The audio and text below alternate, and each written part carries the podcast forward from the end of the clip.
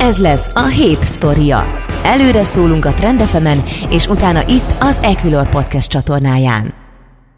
A kínai statisztikai hivatal jelentése szerint a növekvő külső bizonytalanságok a Kínában ismét jelentkező koronavírusos esetek, illetve az árvíz helyzet okozta a vártnál kisebb bővülést. A gazdasági fellendülést még mindig instabil és egyenesen tették hozzá, és az elmúlt hetekben emiatt több elemző is csökkentette az idei évre vonatkozó gazdasági előrejelzését. A Goldman Sachs a korábbi 8,6% helyett 8,3%-os, a Nomura pedig 8,9% helyett 8,2%-os növekedést vár Kínában. A koronavírusos esetek száma továbbra is alacsony, azonban továbbra is a zéró tolerancia elve érvényesül. A múlt héten a hatóságok lezárták a világ harmadik legforgalmasabb kikötőjét, miután egy ott dolgozó megfertőződött. Emiatt a következő időszakban ismét érdemes lehet nyomon követni a kínai pozitív esetek alakulását, illetve a hatósági intézkedéseket, mert könnyen előállhat egy tavalyira emlékeztető helyzet, mert globális ellátási láncokban komoly fennakadásokat okozhat, akár hosszabb távon is.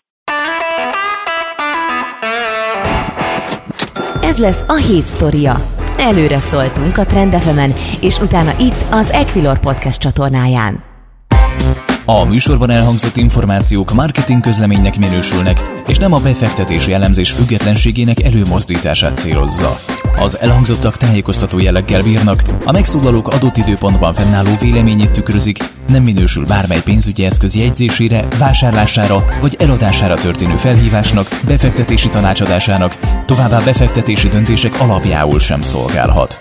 Az elhangzottak nem tekinthetők szerződéskötésre vagy kötelezettségvállalásra történő ösztönzésként, azok kizárólag saját felelősségre használhatóak fel. Részletes tájékoztatóért keresse fel honlapunkat www.ekilör.hu